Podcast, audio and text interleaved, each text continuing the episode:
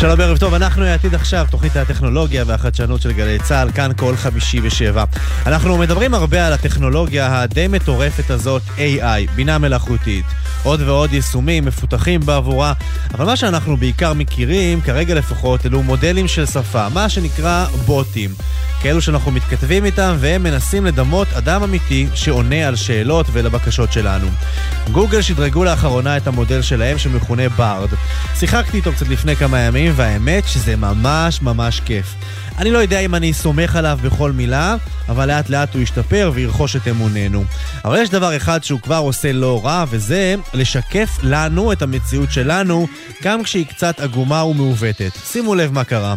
בהתחלה שאלתי אותו שאלות שנוגעות לשחייה. זה הספורט שלי, אז התכתבנו על זה מעט והיה נחמד. לאורך כל ההתכתבות, או אם תרצו, השיחה הזאת, הוא פנה אליי בלשון זכר. זה נראה לי סביר כי גוגל יודעים שאני גבר, אז סבבה. אבל אז ביקשתי מתכון לעוגת גבינה מעולה. פה ברד כבר נפל וכתב לי בסיום, אני מקווה שתאהבי את העוגה, בנקבה. אז ניסיתי שוב עם עוד מתכון, ושוב הוא כתב בלשון נקבה. הייתכן ששירות ה-AI של גוגל חושב שספורט זה לגברים ואפייה לנשים? האמת, לא נעים להודות, זה די הגיוני. הרי המודלים האלו של שפת AI פשוט שואבים את מה שיש באינטרנט, מאבדים קצת ומגישים לנו. זה לא שהאלגוריתם חושב שאפייה זה לנשים, אלא זו התפיסה החברתית הרווחת, וברד פשוט משקף אותה כמו שהיא. אבל אז קרה עוד דבר מדהים. הערתי לו ושאלתי אותו אם הוא פונה אליי בלשון נקבה רק בגלל שביקשתי מתכון. וכמו בינה אמיתית, הוא אשכרה הבין את הבעיה, התנצל והבטיח לנסות להשתפר בעתיד. הוא ממש כתב לי, ואני מצטט, אני אנסה להימנע מהנחות על מגדר או זהות מינית, ואני אנסה להשתמש בלשון ניטרלית מבחינה מגדרית כאשר אני יכול.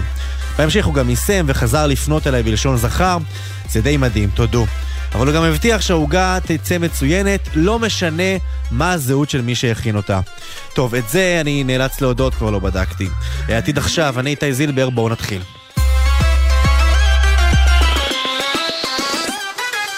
אנחנו פותחים הערב עם אה, דיווח שמגיע ממש בדקות האחרונות. אה, סגן ראש הממשלה ושר המשפטים יריב לוין החליט להקים ועדת בדיקה ממשלתית לעניין השימוש שהתבצע בכלי סייבר של מעקב ואיסוף על ידי גופי האכיפה הפלילית, המשטרה, לרבות אה, פגסוס.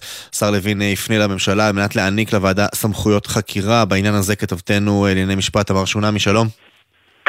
שלום איתי.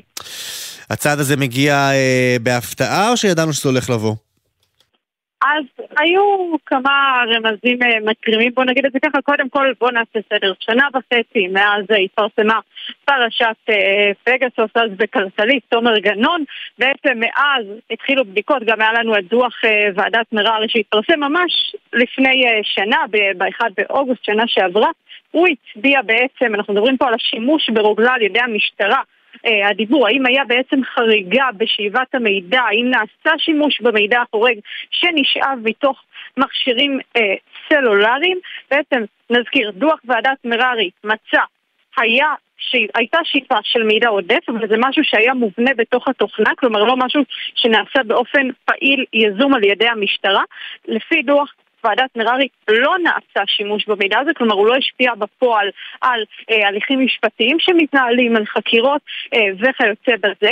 לפני חודש בערך מגיעה תפנית, הפרקליטות מודיעה, אנחנו עשינו בדיקה, הם אה, עשו מאז אה, בעצם אה, חשיפת פרשת פגסוס בדיקה עד כה 27 תיקים. Mm-hmm. ב-26 התיקים הראשונים לא מצאו שום חריגה, שום שימוש. בתיק ה-27 מצאו, משכו ראיות מתיק רצח כי נעשה שימוש עודף. כלומר, יכולנו לראות רמזים מתרימים, כי זה בעצם אה, איזשהו כן אה, שינוי מממצאי אה, דוח ועדת מררי, ובאמת מגיעה היום ההודעה הזו של השר יריב לוין, מי יהיו חברים בוועדה הזו. בעצם שלושה אנשים, סגן נשיא בית המשפט המחוזי בירושלים לשעבר, הסנגורית הציבורית הארצית לשעבר, וראש אגף בשב"כ לשעבר, והם בעצם יבחנו את הנושא גם על פגסוס, גם על תוכנות רוגלה אחרות באופן כללי. אנחנו כמובן צריכים לראות את ההשפעות של זה, כרגע אנחנו יודעים על תיק אחד שבוודאות הפרשה הזו השפיעה עליו. כמובן עולה גם השאלה על ענייני משפט נתניהו, אז עלו טענות לגבי שימוש נרחב שם יחסית כלפי חלק מהעדים. נזכיר בבדיקה שעשו באופן ספציפי לגבי משפט נתניהו, נמצא שהייתה חריגה בשאיבת מידע רק אצל עד אחד, עד המדינה שלמה מומו פילבר בתיק 4000, אבל שוב, גם שם, לפי הבדיקה שנעשתה, לא נעשה שימוש במידע, כלומר זה לא השפיע בפועל על הראיות. אה, כמובן, הסיפור עכשיו אה, יכול להיות פותח את הנושא הזה מחדש, אבל בהקשר הזה של משפט נתניהו הוא בכלל עוד מוקדם להגיד. כן, יהיה מאוד מעניין לראות מה אה, תמצא ועדת הבדיקה הממשלתית הזאת. תמר שונה מכתבתנו, תודה. תודה. וכעת אנחנו אה, למהפכה המשפטית ולהתנגדות לה בכל מיני אה, מוקדים אה, בחברה הישראלית. היום מנהלי החברות הציבוריות הישראליות שנסחרות בבורסה האמריקאית בניו יורק יצאו בקריאה משותפת, יוצאת דופן אפילו יש לומר, נגד הליך החקיקה שמתקדם כעת בממשלה.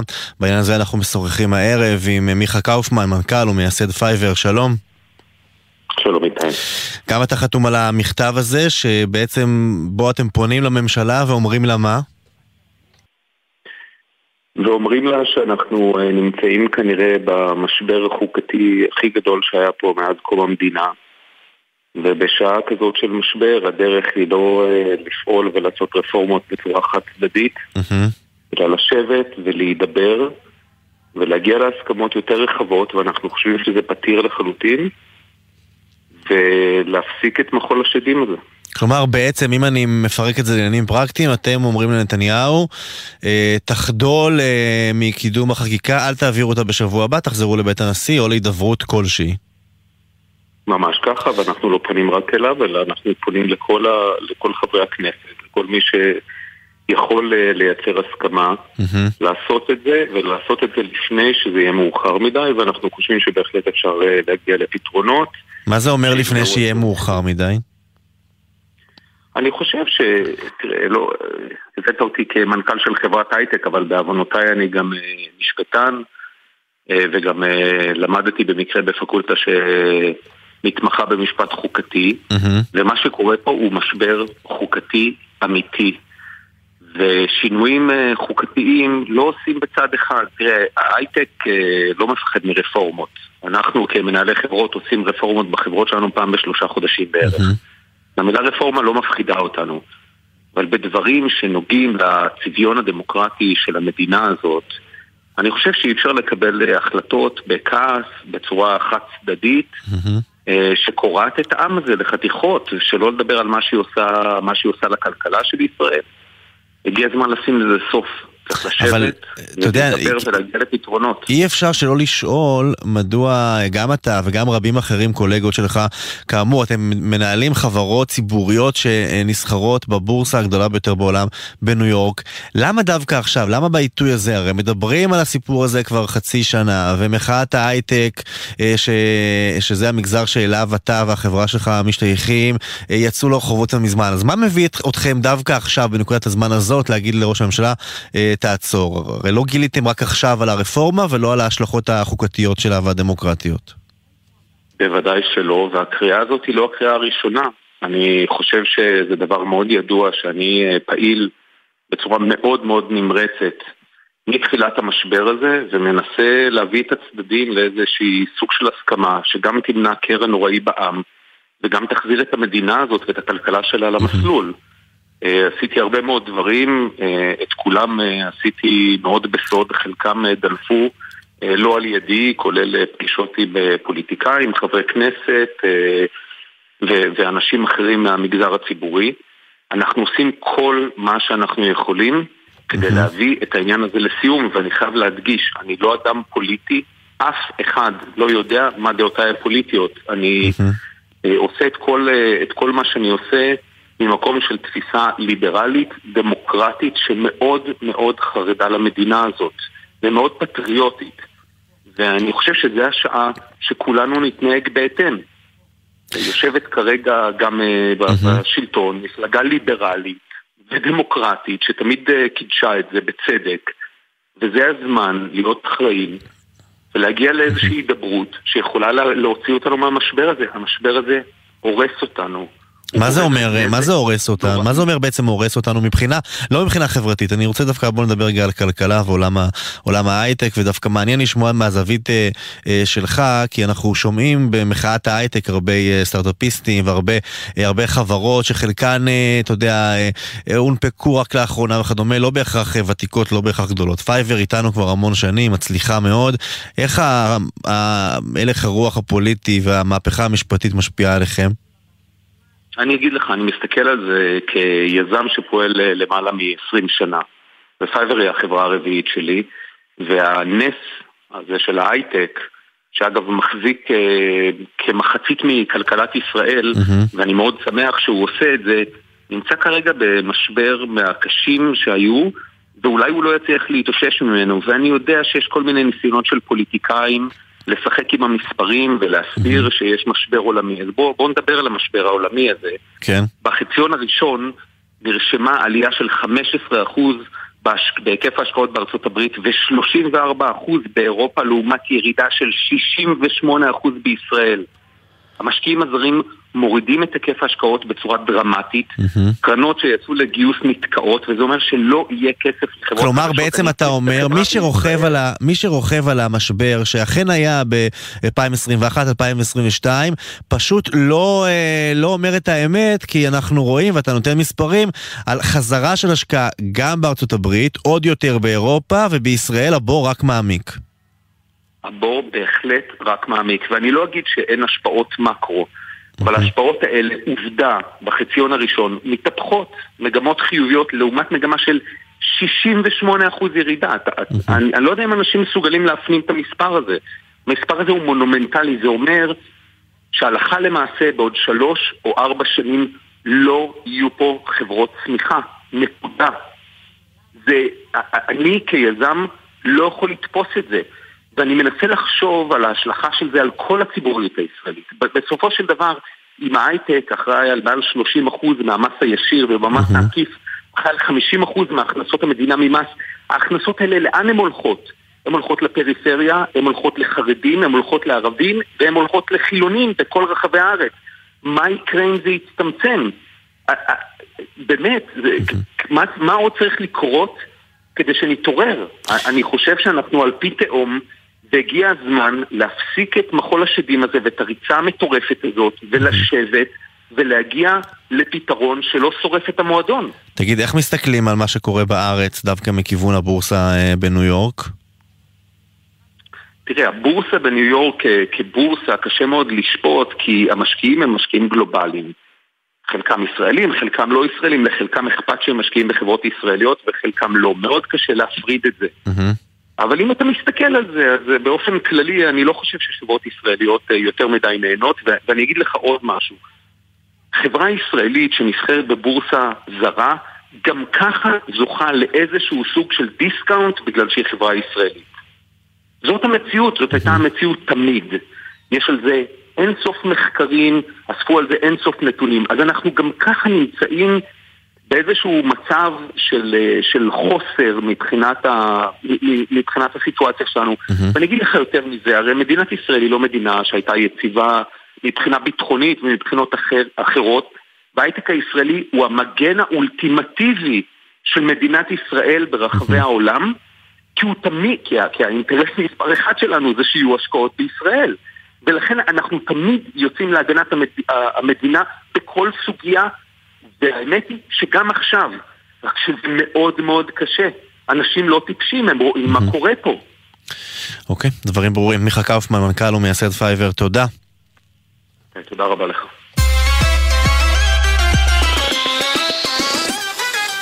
עכשיו אנחנו רוצים לדבר על ביקור אה, הנשיא הרצוג אה, בארצות אה, הברית, הוא נפגש עם ביידן, הוא נאם בפני בתי הקונגרס, והוא גם נפגש עם סגנית הנשיא קמאלה האריס, ודן איתה בעיקר בעניינים של סביבה. הוא גם העניק לה מתנה, פאנל סולארי שפותח כאן בישראל באוניברסיטת בר אילן, ועליו אנחנו רוצים לשוחח עם דוקטור חנה נועה בראד, ממרכז האנרגיה והקיימות, המחלקה לכימיה, אוניברסיטת בר אילן. שלום. שלום איתי. אז הנשיא לא הביא פאנל שלם, הביא אה, מין אה, דגם אה, מוקטן, נכון? 7, 7 סנטימטר על 7 סנטימטר. מה מיוחד בפאנל הזה שצריך אה, להשוויץ בפני נשיאת ארצות הברית אה, עליו? אז uh, בעצם זה לא פאנל אחד, uh, זה, זה דגם מהמעבדה שלנו, mm-hmm. שהוא מכיל בתוכו 676 פאנלים סולאריים שונים, שמורכבים מחומרים שונים. אה, וזו טכניקה שאנחנו בעצם פיתחנו במעבדה ועובדים איתה כבר כמה שנים טובות, mm-hmm. כדי לנסות למצוא את החומרים הכי טובים והכי יעילים שיכולים לקחת את אור השמש ולהמיר אותה לאנרגיה חשמלית. ובעצם אמרתי, יש פה 676 אה, אה, פאנלים שונים, זה גם, זה גם מספר החומרים או שיש שם פחות חומרים ויותר פאנלים עם אותו חומר? זה בדיוק אותו מספר החומרים גם כן. אז uh, אתם כבר יודעים בעצם להגיד מה החומר המנצח? מה החומר שמפיק uh, טוב יותר את האנרגיה מהשמש? אנחנו בהחלט יודעים להגיד מה החומרים הטובים יותר ומה החומרים הטובים פחות. אנחנו גם יודעים להגיד הרבה על ההרכב והמבנה בעצם, כי יש המון רכיבים חשמליים שצריכים גם להיכנס אל תוך הפאנלים הסולאריים, אז גם על זה אנחנו יודעים להגיד מה הכי טוב ומה הכי מתאים. השאיפה במחקר הזה ובכל המחקרים שאנחנו עושים במעבדה זה באמת למצוא את החומרים שהם הכי טובים והכי יעילים עבור מגוון רחב של שימושים, במקרה הזה פאנלים סולאריים.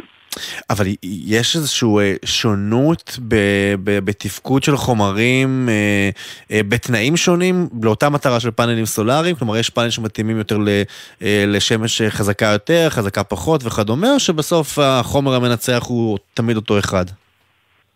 Uh, לא, זה בהחלט משתנה. Uh, למשל, תחשוב על מכשירי IoT, uh, מכשירי Internet of Things, שזה mm-hmm. בעצם כל מיני סנסורים שיש לנו בתוך הבית.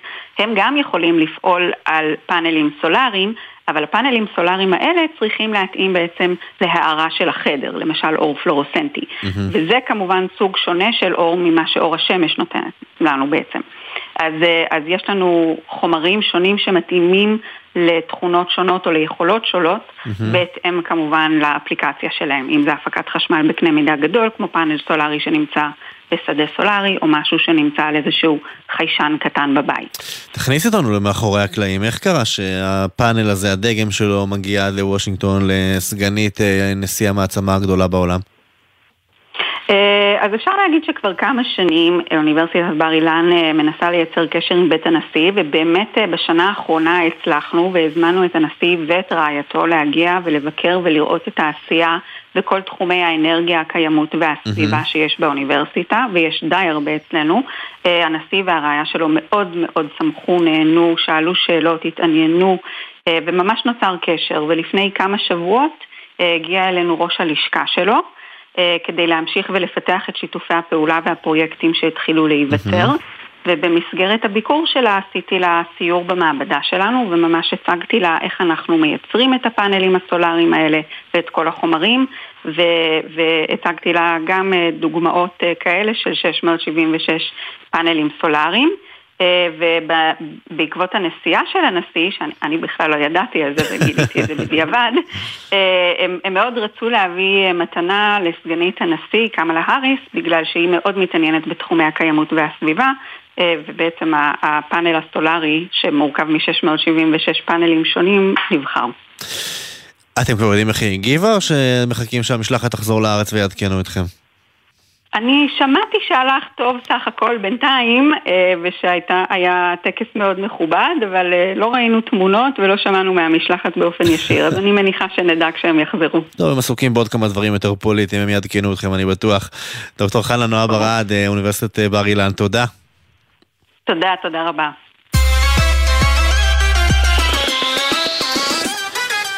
ועכשיו אה, מתחם הייטק אה, חדש וראשון נחנך במזרח ירושלים. על רקע המצב הביטחוני הנפיץ והשיעור הנמוך של בני ובנות המגזר הערבי בתעשיית ההייטק, עיריית ירושלים והמשרד לירושלים ולמסורת ישראל החליטו לפתוח את המרכז. האם זה באמת אה, יעזור לשפר את המצב? שאלה טובה, ואותה אנחנו נשאל את עינת מסטרמן, מנהלת התוכנית איסטק. שלום. שלום וברכה. תכף נשאל באמת איך זה ישפיע ומה זה אמור לעשות, אבל מה בעצם במיזם הזה? מה זה אומר מתחם הייטק ראשון במזרח ירושלים? אה, אנחנו בעצם פועלים כבר אה, קרוב לשנה לראות איך אנחנו מגדילים את אה, השתלבות בתעסוקה של אקדמאים מזרח ירושלמים. אנחנו רואים שיש שיעור הולך וגדל של מזרח ירושלמים שלומדים באקדמיה, לומדים מדעי המחשב, הנדסה, ולא מצליחים להשתלב בתחום. ובעצם הוחלט להקים פה ככה את המיזם הזה ולדחוף לכיוון הזה, הפתיחה של המבנה הזה זה ככה השקה ויציאה לדרך של עבודה מאוד נרחבת שנעשית סביב הסוגיה הזו. שהרעיון הוא בעצם אה, למשוך אה, משקיעים ויזמים, לפתוח את החברות, את מרכזי הפיתוח במתחם החדש הזה במזרח אה, ירושלים. נכון, המטרה היא בעצם לראות איך אנחנו חושפים את החברות העסקיות בכל הארץ לפוטנציאל של ההון האנושי במזרח ירושלים. ואחת הדרכים היא בעצם לבוא ולהזמין אותם לשבת במבנה שאנחנו פתחנו, אלף מטר של משרדים שאנחנו מציעים לחברות שיעסיקו מזרח ירושלמים בתחומים של טכנולוגיה והייטק, אנחנו מציעים את זה ללא כל עלות. ואנחנו בעצם מחפשים את השותפים, יש לנו כבר אה, חמש חברות שיושבות במבנה ואנחנו ממשיכים ומגייסים עוד אה, חברות למיזם הזה. אבל למה לא בעצם לעבוד הפוך? למה להגיד לחברות בואו תשבו כאן במזרח ירושלים ותיקחו עובדים מהסביבה, במקום לפתוח מין קול קורא זה כזה לכל החברות בארץ ותעסיקו מזרח, אה, תושבים ממזרח ירושלים ו, וניתן מענקים או את כל הבנפיט שאתם מעניקים להם לצד זה שיגיעו עובדים אה, מוכשרים עם אה, מוטיבציה. אז אני אגיד כמובן שפתיחת המבנה זה חלק מכל המהלך שנעשה. אנחנו באופן כללי פונים לחברות ואנחנו בודקים כל חברה וחברה מה מתאים לה. אז יש לנו גם השמות בחברות שחבר'ה מזרח ירושלים נוסעים למרכז הארץ, ואנחנו רואים שיש חברות שיש להן עוד אינטרס נוסף, אה, בין אם זה צוותי פיתוח או הקמה של אה, צוותי אוף שור, שבמקום שאנחנו נחפש ככה צוותים רחוקים שיהיו במקדוניה או באלבניה, אנחנו בעצם יכולים להציע להם לבוא ולשבת אצלנו. יש פה גם את המבנה חינם וגם יש פה בעצם את הסוגיה הזאת ש... קרוב לבית, יותר נוח לחלק מהאנשים בהגעה. לחלק גדול מהחברות זה נותן מענה, שבעצם הם אה, מעסיקים את העובדים. לפעמים יום בשבוע נוסעים לאזור המרכז, אבל יש להם מקום לשבת בו שהוא קרוב אליהם ואין צורך את הנסיעות. אתם גם מסייעים אה, למעסיקים אה, בסבסוד חלק מהשכר, נכון? אנחנו בעצם בשותפות מאוד רחבה. יש לנו את המסלולים של רשות ההשקעות, רשות ההשקעות פתחה מספר מסלולים של השתתפות בשכר לקליטה של עובדים, גם לקליטה של ג'וניורים וגם יש מסלול ייעודי לקליטה של עובדות מזרח ירושלמיות. ומעסיק בעצם מקבל 30% אה, מהשכר של העובדים בשנתיים הראשונות. אה, הרבה כסף. אז זה אינטנטיב ראשון, הרבה מאוד כסף. האמת שאני חושבת שלא כל המעסיקים מודעים לזה, בנוסף לזה אנחנו מלווים את המעסיקים בכל הנושא של האיתור של המועמדים. יש לנו מאגר מאוד גדול של מועמדים אה, בוגרי מדעי המחשב, הנדסה ומקצועות סטם אה, נוספים. שלמדו באוניברסיטאות הישראליות או במוסדות בעולם הערבי? אנחנו מכירים כאלה. גם, נכון, אנחנו רואים אותם גם וגם. אנחנו רואים כאלה שלומדים במוסדות ברשות הפלסטינית, מוסדות שאומנם הם מוכרים ככה כ-IV ליג בעולם, אבל פחות מוכרים בארץ למגייסות. Mm-hmm. ביר זד, אנחנו רואים בית לחם, אמ, מוסדות שונים, ואנחנו רואים גם שיעור גדל של אה, מזרח ירושלים שעובדים באקדמיה הישראלית. במכללת עזריאלי, במכללת הדסה, וכמובן באוניברסיטה העברית. הפוטנציאל הוא מאוד גדול. אנחנו... אנחנו מנסים לראות איך עושים את זה בכלל. אנחנו יודעים שלערבים אה, במזרח ירושלים יש לפעמים אתגר בכל מה שקשור אה, לשפה, לעברית. הם לא אה, דוברים עברית כשפת אם, הדבר הזה הוא באופן טבעי חסם לכניסה לשוק העבודה בישראל. איך מתמודדים עם זה? אני חושבת שבעצם היתרון הגדול ביותר זה כשאנחנו מתחילים עכשיו בתחום של הייטק, זה הנושא של האנגלית. לימודי האנגלית אה, במזרח ירושלים, גם בתיכון, הם ברמה מאוד מאוד גבוהה, וגם התארים האקדמיים שלהם, אם הם לומדים ברשות הפלסטינית, זה באנגלית. אז דווקא mm. בהייטק אנחנו רואים, דווקא מהניסיון של השנה ומשהו האחרונות, כאלה שכבר השתלבו בחברות, שזה ממש לא חסם. יש כמובן כאלה שמדברים עברית טובה, יש כאלה שהולכים ומשפרים, אנחנו רואים את התהליכים שבמקביל לקליטה של עובד, אז העובדים גם משפרים את העברית שלהם, עושים קורסים, יש פה ברגע שהם רואים את הסיבה הם מתחילים ולמשקיעים גם בעברית, אבל לשמחתי זה לא חסם, יש פה אנגלית ברמה מאוד גבוהה, והרבה מאוד חברות הן בינלאומיות, אה, מי שמכיר את הסרטון האחרון שרץ, אז עובדים ביניהם, גם העובדים ה... שמדברים עברית ומתכתבים ביניהם באנגלית, אז זה דווקא זה יתרון גדול כן, שלהם. כן, זה דווקא תמיד נחמד, אה, הדו-לשוניות הזאת של הענף הזה, ואי אפשר שלא אה, לתהות אנשים, אה, את יודעת, חברות אה, ויזמים לא חוששים אה, מלהגיע בעקבות המצב הביטחוני המאוד מאוד נפיץ, בטח בשנתיים האחרונות שאנחנו במין גל טרור בלתי פוסק?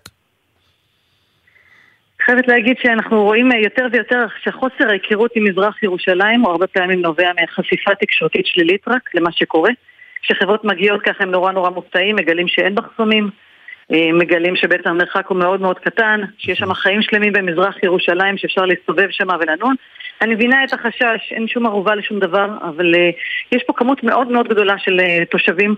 בסדר, יש פה 350 אלף תושבים במזרח ירושלים שמחפשים להשתלב, לעבוד ולהתפתח, שלא מחפשים את הצד השלילי, ורק צריך לתת איזו הזדמנות ולראות איך זה קורה. אז למרות כל החששות, חברות שמצטרפות ומגיעות ורואות את המקום, ונחשפות לפוטנציאל, הן בדרך כלל מתגייסות איתנו מעל ומעבר. וזה כבר קורה, יש חמש חברות, וכבר יש, יש עובדים, נכון? כבר הדבר הזה מתחיל לנוע ורק צפוי ללכת ולגדול.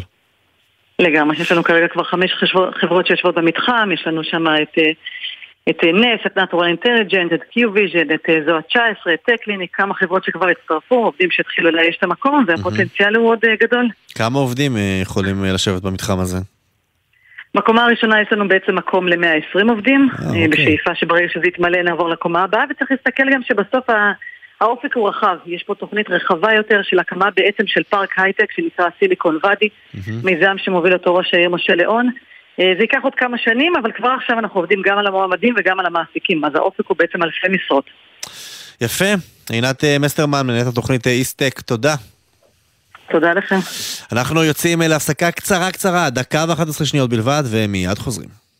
בחסות קרן נדל"ן, המציעה הזדמנות להשקיע בדירה חדשה סמוך לכיכר המדינה. שלמו 20% ברכישה והיתרה באכלוס. לפרטים חייגו כוכבית 4947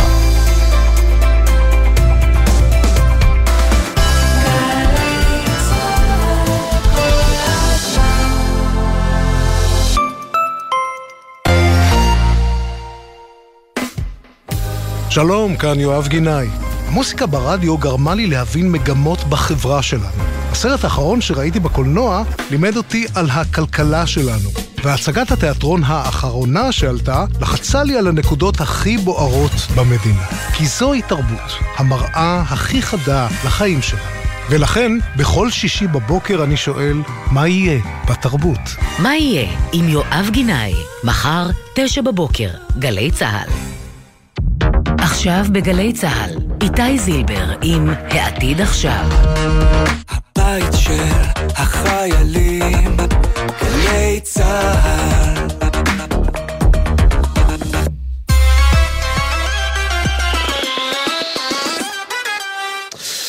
עתיד עכשיו, חזרנו. אם יש אה, שני דברים שסין ידועה בהם, אלו כנראה ללא ספק הקדמה הטכנולוגית וצנזורה באכיפה קפדנית ממש ממש. השבוע סין אה, שוב הוכיחה זאת, כשבמהלך פורץ דרך היא מנסה לשים רסן על הטכנולוגיה אולי שהכי קשה לרסן, הבינה המלאכותית. כתבת חדשות החוץ שחר קנטובסקי, מה בעצם הסינים מנסים לעשות?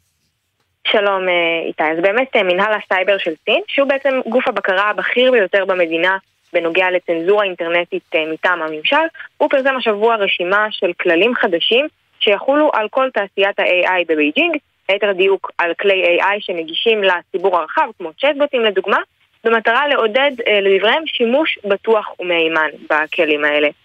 החל מה-15 באוגוסט, ספקים של שירותי בינה מלאכותית מכל, מכל חברה שהיא יצטרכו לרשום את האלגוריתם שלהם למאגר ממשלתי, אם השירות שלהם ייחשב במנהל הסייבר ככזה שמסוגל להשפיע על דעת קהל או לגייס את הציבור, כך אה, בלשון ההצהרה, האלגוריתם יצטרך לעבור סקירות אבטחה מקיפות. אה, לפי ההנחיות, ספקי AI צריכים להתחייב ברגע שהם אה, מוציאים את השירות, שבעצם השירותים שלהם עולים בקנה אחד עם ערכי הליבה הסוציאליסטיים של סין. Mm-hmm. לא ברור לגמרי מה, מה זה אומר, אבל אחת ההתחייבויות לדוגמה בסעיף הזה היא איסור לפגוע בתדמית המדינה. המהלך הזה של סין הוא באמת אה, ככה יוצא דופן, היא המעצמה הגדולה הראשונה שממש מעגנת את הבינה המלאכותית בחוק באופן אה, כל כך נרחב.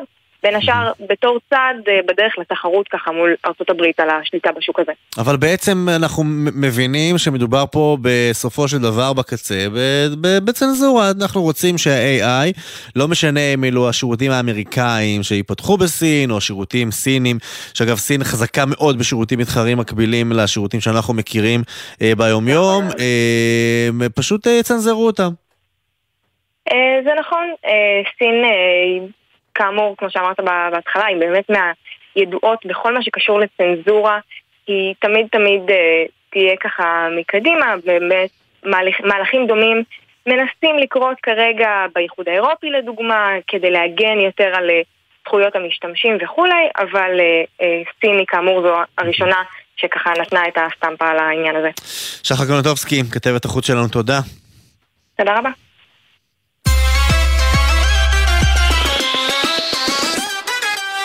אנחנו נשארים uh, ב-AI, אנחנו מדברים על זה לא מעט, וגם בדרך כלל צריך להגיד, הדבר הזה, טכנולוגיה תופסת uh, תאוצה, כבר אי אפשר uh, להתעלם ממנה. היום מי ששולטות בעצם בזירה הזאת זו מייקרוסופט, שהטמיעה את ChatGPT בשירותים שלה בבינג, ובעצם נכנסה שם שותפה, ולכן זו הרגל שלה בתחום, וגוגל, ששמענו בהתחלה, שיש לה את בארד, שאיתו אנחנו יכולים לקשקש ולקבל מתכונים לעוגה. אבל איפה אפל? היא נעלמה. נבו טרבלסי, כתב הטכנולוגיה של אה, גלובס, שלום. שלום איתי. הם נכנסים, אפל נכנסת לא, לאירוע, מה שנקרא.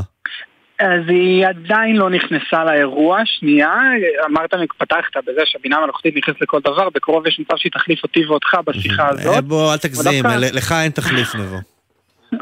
Uh, בהקשר של uh, אפל שנכנסת לאירוע צריך להגיד, uh, יצא דיווח ממש בימים האחרונים מבלומברג שאומרת שגם לאפל in-house, זאת אומרת בתוך הבית יש, את, יש כלי בינה מלאכותית דומ, בעצם שדומה לצ'אט GPT וברד, לא מתוכנן, לא מתוכנן כרגע לצאת החוצה לצרכנים ואין באמת אסטרטגיה כדי לשווק אותה, את הכלי הזה החוצה. מה כן אנחנו יכולים להעריך שיכול לקרות זה שאפל היא בסופו של דבר לא תנסה להתחרות כמו במייקרוסופט ובגוגל דווקא בגלל המודל השונה או לפחות הקהל שאותו היא משרתת, אבל שימו לב למי מכם מהמאזינים יש אייפון לדוגמה שסירי תוכל לתת לנו תשובות ארוכות כמו צ'אט GPT ולתת לנו דוגמאות mm. מאוד מאוד מאוד טובות אז אפשר לקחת את הטכנולוגיה הזאת ולמצוא את הדרכים, אפל תנסה לחשוב על הדרכים שלשלב את הכלי הזה יגרום בסופו של דבר לה להיות הרבה יותר אטרקטיבית מאשר מכשירי האנדרואיד והמתחרות האלה. כלומר, בעצם אנחנו הולכים לראות לא בהכרח שירות אה, אה, חיצוני נוסף, כמו שאנחנו רואים אה, אצל מייקרוסופט ו-OpenAI, שזה צ'אט GPT, או במודלים של גוגל, אנחנו נראה הטמעה של זה ממש בתוך המכשירים, בתוך השירותים שאפל מציעה. קודם כל, אחד הדברים שאפל מאוד מצטיינת מעבר למוצרים, לעבר באמת רמה מאוד גבוהה של מוצרים, לפי מה שאנחנו רואים בהשקות האחרונות, היא מאוד טובה בחשאיות שלה. אנחנו לא נדע כלום משום דבר עד שהיא בעצמה לא תכריז על זה, כי יהיו הדלפות, יהיו שמועות, אבל היא מאוד מאוד תשמור על זה בקנות. וכן, שילוב, יש מצב שאנחנו נראה מה שנקרא אפל GPT, ככה אה, מהנדסים קוראים לזה בתוך החברה והם עושים בזה שימוש בתוך הבית. אה, עם איזה מין אזהרה מתוך החברה. בחברה אומרים למהנדסים שאסור להשתמש בכלי הזה כדי לייצר פיצ'רים, כדי לכתוב קוד, כדי אה, שיגיעו בסופו של דבר אה, ללקוחות, mm-hmm. אבל אין ספק שיחפשו את הדרכים כדי לשלב את זה ולהפוך להיות הרבה יותר אטרקטיביים. תגיד, איך זה יעבוד עם מדיניות האבטחה הדי קפדנית של אפל? זה אין ספק שזה אחת הנקודות המרכזיות למה אנחנו עד עכשיו כנראה לא ראינו שום דבר מהצד של אפל. ההיעדרות הבולטת של אפל בהקשר הזה הייתה באמת חריגה, זאת ענקית טכנולוגיה שהיא אה, אה, חדשנית ומוכרת בהרבה מאוד בהיבטים האלו. אפשר, אפשר לנעוט את זה לשתי סיבות מרכזיות. אחד זה באמת זה שיש פה היבט פרטיות ואבטחה שצריך לברר אותו. זאת אומרת, אפל הדגל המרכזי שלה זה זה שהיא שומרת על האבטחה והפרטיות של המשתמשים, ואין ספק שהיא נזהרת אם הכלי לומד אותנו, הוא בעצם מספק או, לא, או אה, ממש מאפיין מי אני ומה אני, גם בפתיח שלך דיברת על האם אני בן או האם אני בת, בסופו של דבר יש פה היבטים מאוד מאוד משמעותיים בהיבטי הפרטיות והאבטחה, אבל גם הצד השני של למה לא ראינו את זה עד עכשיו, שוב צריך להזכיר שאפל אה, באירוע האחרון שלה היא מאוד, מאוד נזהרה להשתמש בבינה המלאכותית כי היא תוציא את הכלי שלה אך ורק כשהיא תדע שזה הזמן הנכון, הכלי הבשל, ככה זה צריך להגיע ואין איזה ימינה ושמאלה פה. צריך לומר, מבחינת אבטחה נבוא גם כשאנחנו מחפשים בגוגל אז אנחנו יודעים, אז אה, גוגל רושמת ומתעדת ואז מציעים לי פרסומות בכל הפלטפורמות בהתאם לחיפושים, אבל החיפוש בגוגל הוא, הוא חיפוש, אה, לא, הוא קצת טיפש, כלומר אין בו ניואנסים. כשאתה מתכתב עם הצ'אט, אתה ממש לפעמים מרגיש שאתה מתכתב עם בן אדם אתה גם כותב בצורה יותר דיבורית, אפשר ללמוד הרבה מאוד עלינו, דווקא מה, מאופן הניסוח שלנו, ההתנסחות שלנו היומיומית. אין, אין ספק, וגם בסופו של דבר ככל שאנחנו נהיה יותר ברורים, נהיה פשוטים ופחות מורכבים והכל, ככה גם לא רק שנקבל תשובות גם יותר טובות, גם אנחנו נבין שהכלי קצת מבין אותנו יותר טוב. זאת אומרת, אם אני בחרתי להשתמש באיזה משלב יותר גבוה, אז, אז כנראה שהכלי גם לא רק יעבוד יותר טוב, אלא יבין עם מי הוא מדבר ויציע גם בהתאם לזה תשובות. הכלים האלה בסופו של דבר, הדאטה, המידע ש, שהכלים האלו מתבססים עליהם, בסופו של דבר מכריעים פה את הכל, וזאת אחת הסיבות לדאגה הזאת, כן? בסופו של דבר לא סתם דיברו הרבה על זכויות יוצרים ועל אתיקה ועל כל הדברים שיש סביב הדבר הזה, כי יש פה איזה מין טריטוריה חדשה שצריך לבחון וצריך להבין אותה עד הסוף. אבל אה, בוא נדבר רגע על כסף. אה, החגיגה הזאת לא תהיה בחינם לנצח, נכון? אנחנו נהנים מה-chat GPT, מי שלא עשה מנוי יכול להשתמש, וגם בארד וזה, אבל אה, למשל במייקרוסופט עומדים לבקש מאיתנו דמי מנוי אם נרצה לשלב ולהטמיע את ה-AI באופיס למשל. אז, אז צריך שאני לחדד את הנקודה הזאת, זה גם מתחבר קצת לשיחה הקודמת שהייתה עם שחר בהקשר של סין, כדי להפעיל את, ה, את הכלי הבינה המלאכותית המאוד מאוד כבדים האלו צריכים את התשתית המתאימה, צריך בעצם מעבדים, כרגע זאת ש, שמובילה כרגע את התחום ויש לה דומיננטיות, זאת חברת NVIDIA עם השבבי גרפיקה, שבבי ה-GPU שלה בעצם, שהם מאוד מאוד מאוד דומיננטיים בשוק, ובגלל שזה עולה כל כך הרבה כסף, מה שקורה במאחורי הקלעים, אותם חברות כמעט אף פעם לא מציעים את השירות הזה בתשלום, גם לדוגמה בסין צריכים את הדבר הזה, ולכן יש הרבה עסקים שממשל ארה"ב קצת אה, אוסר ועושה קצת בעיות שם ומערים קשיים על חברות כמו NVIDIA אבל בהקשר של הכסף צריך אה, לדבר על מייקרוסופט כי מייקרוסופט עשתה את המהלך הזה השבוע וגרמה אה, להרבה מאוד משקיעים ול, ולוול סטריט מאוד מאוד לאהוב את המהלך הזה כי זה לא 30 אה, דולר בנוסף בחודש לי ולך כצרכנים אישיים, כצרכנים פרטיים, אלא עכשיו כל לקוח עסקי, בעצם הארגונים הגדולים, החברות, mm-hmm. שרוצות בעצם של המשתמשים שלהם, של העובדים שלהם,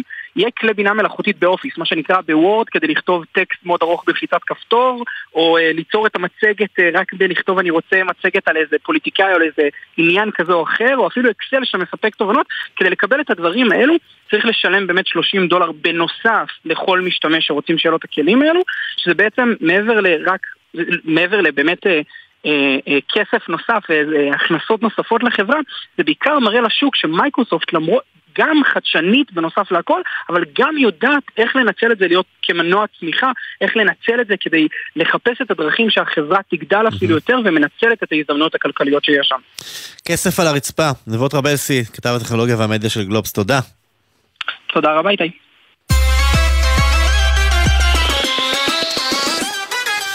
טוב, יזמי אקלים, אנשי פודטק, אנשי דאטה, זה בשבילכם, היכונו, היכונו, רשות החדשנות עובדת על תוכניות חדשות, וכל התחומים הכי נחשבים בפנים.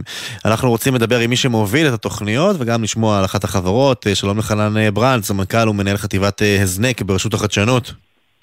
שלום, ערב טוב. נגיד גם שלום למשה פרידמן, מייסד, שותף של חברת אקסטרטק, אהלן. ערב טוב, שלום שלום. חנן, בוא נדבר רגע במובן הרחב יותר. מה בעצם אתם מנסים לעשות ברשות החדשנות? אה, אז רשות החדשנות, אה, אני מניח שמכירים, זה mm-hmm. בעצם המדען הראשי שהיה פעם, אנחנו מתעסקים המון שנים בתמיכה בחברות סטארט-אפ, בתמיכה במו"פ, זה בעצם מרכז הפעילות שלנו. אבל בשנים האחרונות הכנסנו עמוק לתוך נושא ההון האנושי בהייטק, מתוך הבנה שזה באמת חסם מרכזי לגדילת התעשייה. אנחנו כל שנה בעצם מחלקים אה, מענקים לתוכניות חדשניות ופורצות דרך בעולמות האלה של הון אנושי להייטק mm-hmm. וזו הפעם הראשונה שבעצם אה, אנחנו יצאנו בקול קורא ונממן אה, לא מעט כסף לתחומי העתיד של ישראל תחומים שאנחנו מאמינים שבעצם ישראל יכולה להוביל בהם בטווח ארוך, קוונטום, בינה מלאכותית אקלימטק, פודטק ו bio-convergence. איך אנחנו, אנחנו, אתם, איך אתם מחליטים מה, מה התחומים שישראל צריכה לצמוח בהם ומה אפשר uh, להשאיר בצד או שכבר הגענו לרוויה?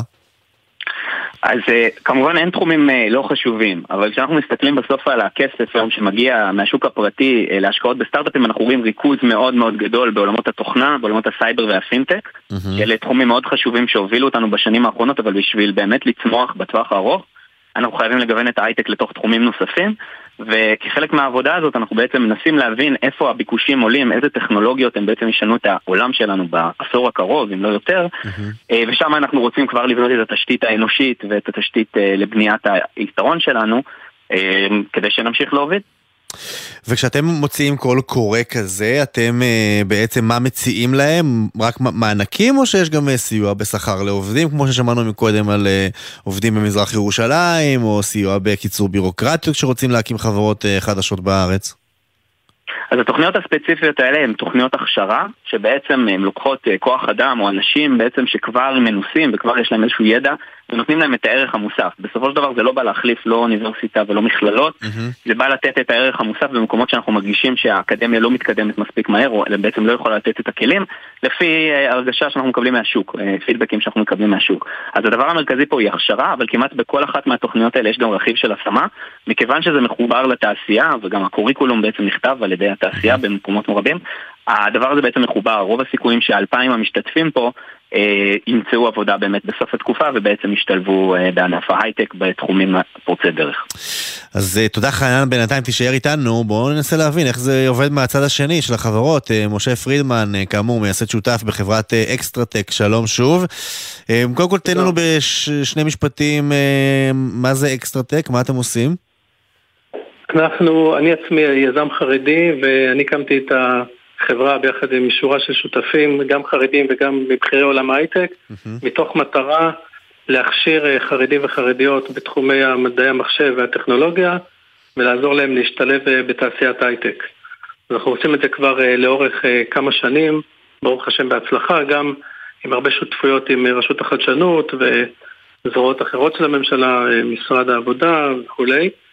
ואני דווקא שמח פה שהייתה לנו את ההזדמנות לא להצטרף לתוכנית אה, על הכובע החרדי, אלא דווקא כי אנחנו עושים הכשרות mm-hmm. מאוד מאוד מתקדמות בעולמות של אה, בינה מלאכותית, שזה אחד העולמות הכי חדשים והכי חוד החנית של הטכנולוגיה, ולהכשיר חרדים וחרדיות בתחום הזה. ואנחנו אחד הגופים שענינו לקול הקורא של רשות החדשנות ושמחים מאוד ונרגשים. שבעצם שגם... הרעיון מה? הוא בעצם אה, לפגוש אה, חרדים שאין להם אה, רקע או זיקה מקצועית, לתת להם את ההכשרה כדי להכניס אותם למשרות ג'וניור בחברות הייטק. תראה, בגדול מה שאנחנו עושים כבר הרבה שנים זה גם מכשירים נשים חרדיות. אגב, לנשים חרדיות יש רקע בלימודי ליבה, רק שהן בדרך כלל לא מגיעות לאוניברסיטאות היוקרתיות. ולכן אנחנו בנינו תוכנית הכשרה בשיתוף פעולה עם ענקיות ההייטק, חברות כמו אינטל, מובילאיי, גוגל, סיסקו ואחרות, כדי להכשיר חרדיות, בהמשך גם התחלנו בתוכניות לחרדים, להכניס אותם לעולם ההייטק במדעי המחשב, אבל במקרה הזה אנחנו מבינים שיש צורך עצום, דווקא העולם של הבינה המלאכותית מייצר אה, צרכים חדשים, סוג חדש של מתכנתים. מתכנתים שיודעים לעבוד עם בינה מלאכותית, יודעים לאמן מודלים של בינה מלאכותית, יודעים לעבוד עם ביג דאטה ועם כל הכלים החדשים האלה, ואמרנו זאת הזדמנות אה, להכשיר חרדים וחרדיות לא סתם להיות מתכנתים רגילים, אלא להיות ממש בקדמת הטכנולוגיה בתחומים הכי מבוקשים. Mm-hmm. לצורך זה, דרך אגב, גם אה, פרופסור אמנון שעשוע, שהוא מייסד של מובילאיי, הוא אחד המדענים, המדענים המובילים גם בארץ וגם בעולם בתחום של בינה מלאכותית, mm-hmm. שהוא תומך שלנו שנים, אז הוא גם פה חבר אלינו כדי לבנות את תוכנית הכי טובה לבינה מלאכותית, יחד עם גם עם חברת מייקרוסופט שהזכרתם אותם באייטם הקודם. אבל אתה יודע, אתה, אתה, אתה מתאר את זה וזה נשמע נהדר, אני רק, אני כל הזמן חושב על, ה, על האתגרים, הרי אנחנו יודעים שהחברה החרדית יש בעיה של אה, השכלה כי אין לימודי ליבה, יש אה, בעיה של נגישות לטכנולוגיה כי נמנעים אה, מאינטרנט ומטלפונים חכמים. איך מגשרים על הפער הזה ומכשירים אה, חרדיות וחרדים אה, טובים אה, להשתלב בעולמות ה-AI? זו שאלה מצוינת, והתשובה הקצרה על זה, שאמר לי את זה בעבר מנכ"ל מייקרוסופט, אנחנו בהייטק מחפשים כישרון, מחפשים talent. עכשיו, ברגע שיש אדם שהוא מאוד מאוד מוכשר, הוא יכול לבוא מכל קהילה בישראל, יכול להיות חילוני. אבל איך. מגשרים על הפער הזה? הרי כשמישהו רוצה להתמודד למשרת הייטק, אז אה, מבקשים ממנו קורות חיים, אולי תיק עבודות בחלק מהדברים, רוצים לראות איך האנגלית שלו. אז באמת מה שאנחנו עושים, אנחנו עושים תוכנית, שהיא אגב לא קצרה, זו תוכנית אה, של אה, יותר משנתיים, שגם התלמידות וגם התלמידים לומדים מדעי המחשב ברמה מאוד עמוקה. אנחנו בונים את התוכנית יחד עם מדענים מובילים, פרופסורים מובילים, יחד עם חברות הייטק הטובות, ואותם אה, חרדיות מוכשרות או חרדים מוכשרים, שיש להם את הכישרון ויש להם את היכולת, מסוגלים לסגור את הפער, ותוך שנתיים או שנתיים וחצי, ובסוף מתמודדים כשווים בני שווים על משרות uh, הכי טובות בחברות הכי טובות. אנחנו מכניסים בשנים האחרונות מדי שנה מאות חרדיות וחרדים לחברות כמו מייקרוסופט, כמו גוגל, כמו אינטל, כמו קוואלקום, חברות באמת בקדמת הטכנולוגיה, ואף אחד לא עושה להם טובה, הם נכנסים כי הם פשוט טובים. ואני מאוד מאוד נרגש שרשות החדשנות בחרו אותנו כאחד הגופים שיודע להכשיר אה, בתחום הבינה המלאכותית. זה לא קול קורא שאמר בוא נביא אוכלוסיות אה, מוחלשות. להפך, אמרו מי יודע להכשיר את האנשים הכי טובים בישראל אוקיי. ל- לתחומי עתיד, ואנחנו נבחרנו, אז זה רק אומר שבאמת יש אצלנו אנשים מאוד מאוד טובים. יש המון כישרון בקהילה החרדית, ואני חייב להגיד לך שפונים לתוכניות שלנו מדי שנה אלפים רבים של חרדיות וחרדים שרוצים ללמוד, לא תמיד אנחנו יכולים לקבל את כולם, כי עדיין יש, יש לנו משאבים מוגבלים, והרצון של הצעירים החרדים והצעירות החרדיות להשתלב בטכנולוגיה הוא רצון אדיר. חנן, בוא נגיד אה, מילה על, על האימפקט. מה, מה נחשב הצלחה מבחינתכם אה, לקול קורא הזה, לתוכנית הזאת? כמובן, דבר ראשון, אה, אני חושב שהוא כבר מוצלחת. כלומר, העובדה שהגישו לנו באמת אה, תוכניות מאוד מאוד חדשניות וייחודיות, ו-20 תוכניות נבחרו פה, שלדעתי לא נראו כאלה בישראל, זה כבר התחלה מצוינת, כי מבחינתנו זה מושך את השוק לשם.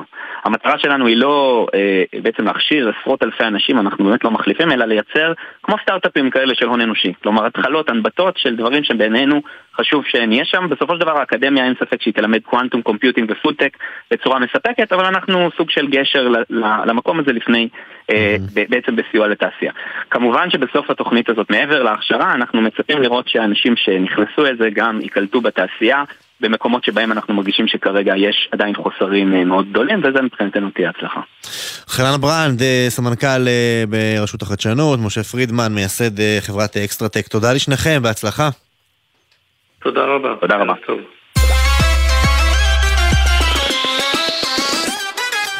השבוע נערך במכללה למינהל אירוע דמו דיי. זה יום הצגת פרויקטים במסגרת האקוטיזם, אה, יום פיתוח שעסק בפיתוחים טכנולוגיים שמטרתם קידום פתרונות לאנשים על הרצף האוטיסטי. איתנו אה, רימון אה, טובין, לשעבר איש הייטק, היום מייסד עמותת האקוטיזם. שלום. שלום, נעים מאוד. מה זה אקוטיזם? מה אתם עושים? אני אגיד רגע מילה עליי, אני אחרי אה, שני תארים במנהל עסקים במכללה למינהל, 25 שנה בהייטק, תפקיד אחרון סמנכ"ל טכנולוגיה וחדשנות בפנג'יה, ניהלתי פרויקטי ענק בעולמות הדאטה, ב-2015 הייתי ממייסדי ה-AI בבנק הפועלים, ב-2017 הייתי מחלוצי ה-AI בחינוך, וב-2019 הובלתי את קורס ה-AI הראשון למנהלים במכללה למינהל, ואני אבא של יובל, בן 22 עם אוטיזם. והחלטתי שכל מה שה Start-Up Nation טוב בו וגם היכולות שלי, אני רותם למען אנשים עם אוטיזם ובני המשפחה שלהם. ו HackAutism מטרתו לייצר אה, פתרונות טכנולוגיים חדשניים עבור אנשים עם אה, אוטיזם. אה, שהקמתי את העמותה ואת הפעילות ב-2019, התראיינתי גם אה, אצלכם ודיברתי על תתארו לכם מעולם שבו פתרונות טכנולוגיים ירצפו את הרצף האוטיסטי בפתרונות, ומאז ייסדנו 50 אה, פתרונות אה, שונים. אז בואו באמת נשמע על כמה דברים שהוצגו בדמו דיי הזה במכללה למינהל. מה, מה, אתם, מה הפיתוחים החדשים שאמורים לס- לסייע, להקל, או אפילו להנעים את הזמן לאוטיסטים? אה, אז במחזור האחרון שפותח במסגרת ה... עם הסטודנטים של המכללה למינהל, יש לנו במחזורים קודמים, פותחה אפליקציה FunFriend שמחברת בין ילדים עם צרכים מיוחדים על בסיס מיקום ותחומי עניין ובעזרת בינה מלאכותית שמשדרגת את ההתאמות. יש לנו מיזם שמחולל סיפורים חברתיים וסיפורים שמתווכים את המציאות בעזרת ה-chat GPT. אה, יש לנו מיזם שלוקח את הידע של צה"ל בשילוב אוטיסטים בצבא. צה"ל הוא המעסיק הגדול בעולם של אוטיסטים, מעל 500 אוטיסטים, ולוקח את הידע הזה לעולמות התעסוקה וההשכלה גבוהה. יש לנו טיפולים אה, מותאמים באמצעות אה, מציאות מדומה. מה, מה זה אומר? יכול... מה זה אומר טיפולים באמצעות מציאות מדומה? שכל הטיפול נמצא בעצם בתוך חוויה וירטואלית. היום מאוד קשה להגיע לטיפולים, ובאמצעות זאת אנחנו הופכים את הטיפולים להרבה יותר נגישים ומאפשרים אה, לכולם לקבל אה, טיפול פסיכולוגי או טיפול מיינדפולנס, mm-hmm. טיפול משנה עולם. ויש גם משהו שמכנים אותו נטפליקס לאוטיסטים, נכון? נכון, זה מיזם מדהים. ש...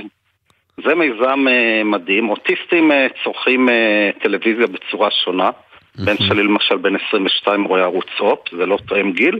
וכדי להתאים לו, גלעד המייסד באמצע המציא טכנולוגיה שמנגישה להם את הטלוויזיה, הם יכולים לייצר פרסונליזציה בעזרה שהופכת את זה לסרטים מצוירים, לסרטים על לוחות חוצות, להתאים אה, צבעים, להפעיל אה, פנסים וכל זה בזמן אמת, מייצרים באמת אה, סרטים מותאמים לאוטיסטים ובזכות השיטה הזאת הם צורכים תוכן מותאם פי, פי שלוש או פי ארבע יותר.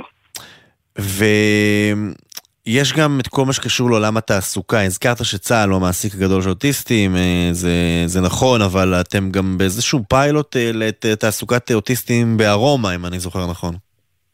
נכון, בעצם אחד האתגרים של אוטיסטים זה לעבור בין פעולה אחת אחרי השנייה. Mm-hmm. אפליקציית טל באמצעות רצף של תמונות שניתן לבנות uh, בצורה אישית, מייצ... uh, האוטיסטים או אנשים עם מוגבלויות עוקבים אחרי רצף של תמונות, מבצעים את המשימות, ואפשר לכל אחד להתאים באמצעות בינה מלאכותית את התוכנית שלו, אפשר לייצר שם חוכמה אבל איך, אבל איך, איך, הם, איך הם רואים את זה? כלומר, יש איזה device שהם מתקינים אה, למשקפיים כן, או משהו? איך זה עובד? הט...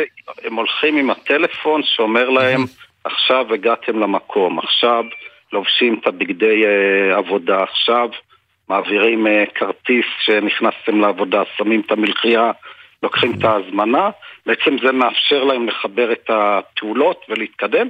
מי שעושה את זה בהצלחה, זה אומר שאפשר לרוץ על פחות תמונות. מי שיש לו יותר אתגר צריך להוסיף כאן תמונות. לכל אחד אפשר לבנות את המסלול הפרסונלי בעזרת... אה, וגם רואים אה, בסוף איזושהי, אה, איזושהי גרף עלייה, נקרא לזה ככה, שבשלב מסוים העובד כבר לא צריך את התמונות, כי זה נכנס לסיסטם, נכנס לרוטינה הרגילה שלו? ברמה הכי גבוהה זה הופך. כן, יש גם אנשים שנקרא לזה נגמלו מהתמונות, אבל זה מאוד משפר בסדרי גודל, וכמובן מי שמסתכל ברמת המסעדה יכול לראות את התמונה של אה, כל העובדים, ומי שמסתכל ברמת הרשת יכול לראות את זה ברמת הרשת. זה בהחלט מאפשר לאנשים שאין להם שוויון הזדמנויות להשתלב בתפקידים מאתגרים. אה, בקצרה, איך, אה, איך אה, העבודה של הסטודנטים והסגל במכלל המינהל בנושא שדי רחוק ממרביתנו? קצרה ממש. אנחנו חלק ממהלך של אקדמיה חברתית שבא mm-hmm. ללמד אימפקט הסטודנטים בהתחלה, מנהלי העתיד יידרשו לשורת רווח okay. אוקיי. כפולה, שזה תרומה כלכלית ותרומה חברתית. בעצם סטודנטים מכל הפקולטות לקחו מיזמים mm-hmm. שהצטיינו בהאקתון וליוו אותם אוקיי. ולמדו okay. את כל היכולות, מצד שני הם תרמו גם את היכולות, דברים שהם למדו. רימון כן. טובין, תודה. אה, אנחנו מסיימים. תודה רבה לך. אה, עתיד עכשיו אנחנו מסיימים. העורכת היא אבי פוגל, הפיקו פרח בר גולדפרג ואורי קספרי, על ביצוע טכני אורי ריב.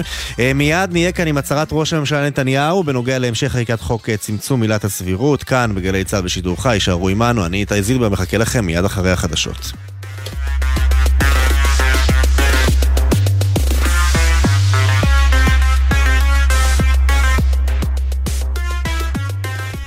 בחסות מקס, המציעה הלוואה לכל מטרה שתרצו. כוכבית 91-92.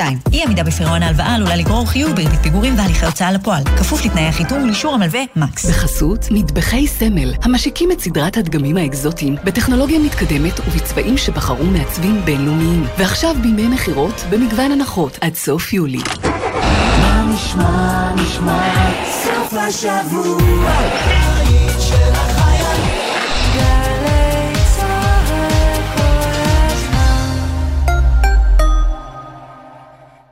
יצואנים, תעשיינים וחברות עסקיות רוצים לייצא לחו"ל? לפרוץ לשווקים חדשים? תוכנית כסף חכם מחכה רק לכם. כ-80 מיליון שקלים יוענקו במסלולים ייחודיים ליצואנים מתחילים או מנוסים. עד חצי מיליון שקלים לחברה. אל תוותרו על הסיוע. עכשיו תורכם לגדול לעולם הגדול. המקצה פתוח רק עד 20 באוגוסט. מהרו להגיש. לפרטים חפשו ברשת כסף חכם, או היכנסו לאתר מנהל סחר חוץ במשרד הכלכלה והתעשייה. כפוף לתנאי התוכנית. להיות דיפלומטית בשירות החוץ זה מקצוע שהוא הכל חוץ משגרתי, עם השפעה ומשמעות. מסקרן? אם את ואתה מחפשים קריירה מרתקת, הגישו מועמדות למסלולי ההתמחות בדיפלומטיה במשרד החוץ. כך תוכלו להשפיע על החוסן הלאומי של מדינת ישראל ויחסי החוץ שלה. חפשו ברשת התמחות דיפלומטית במשרד החוץ, קורסי צוערים.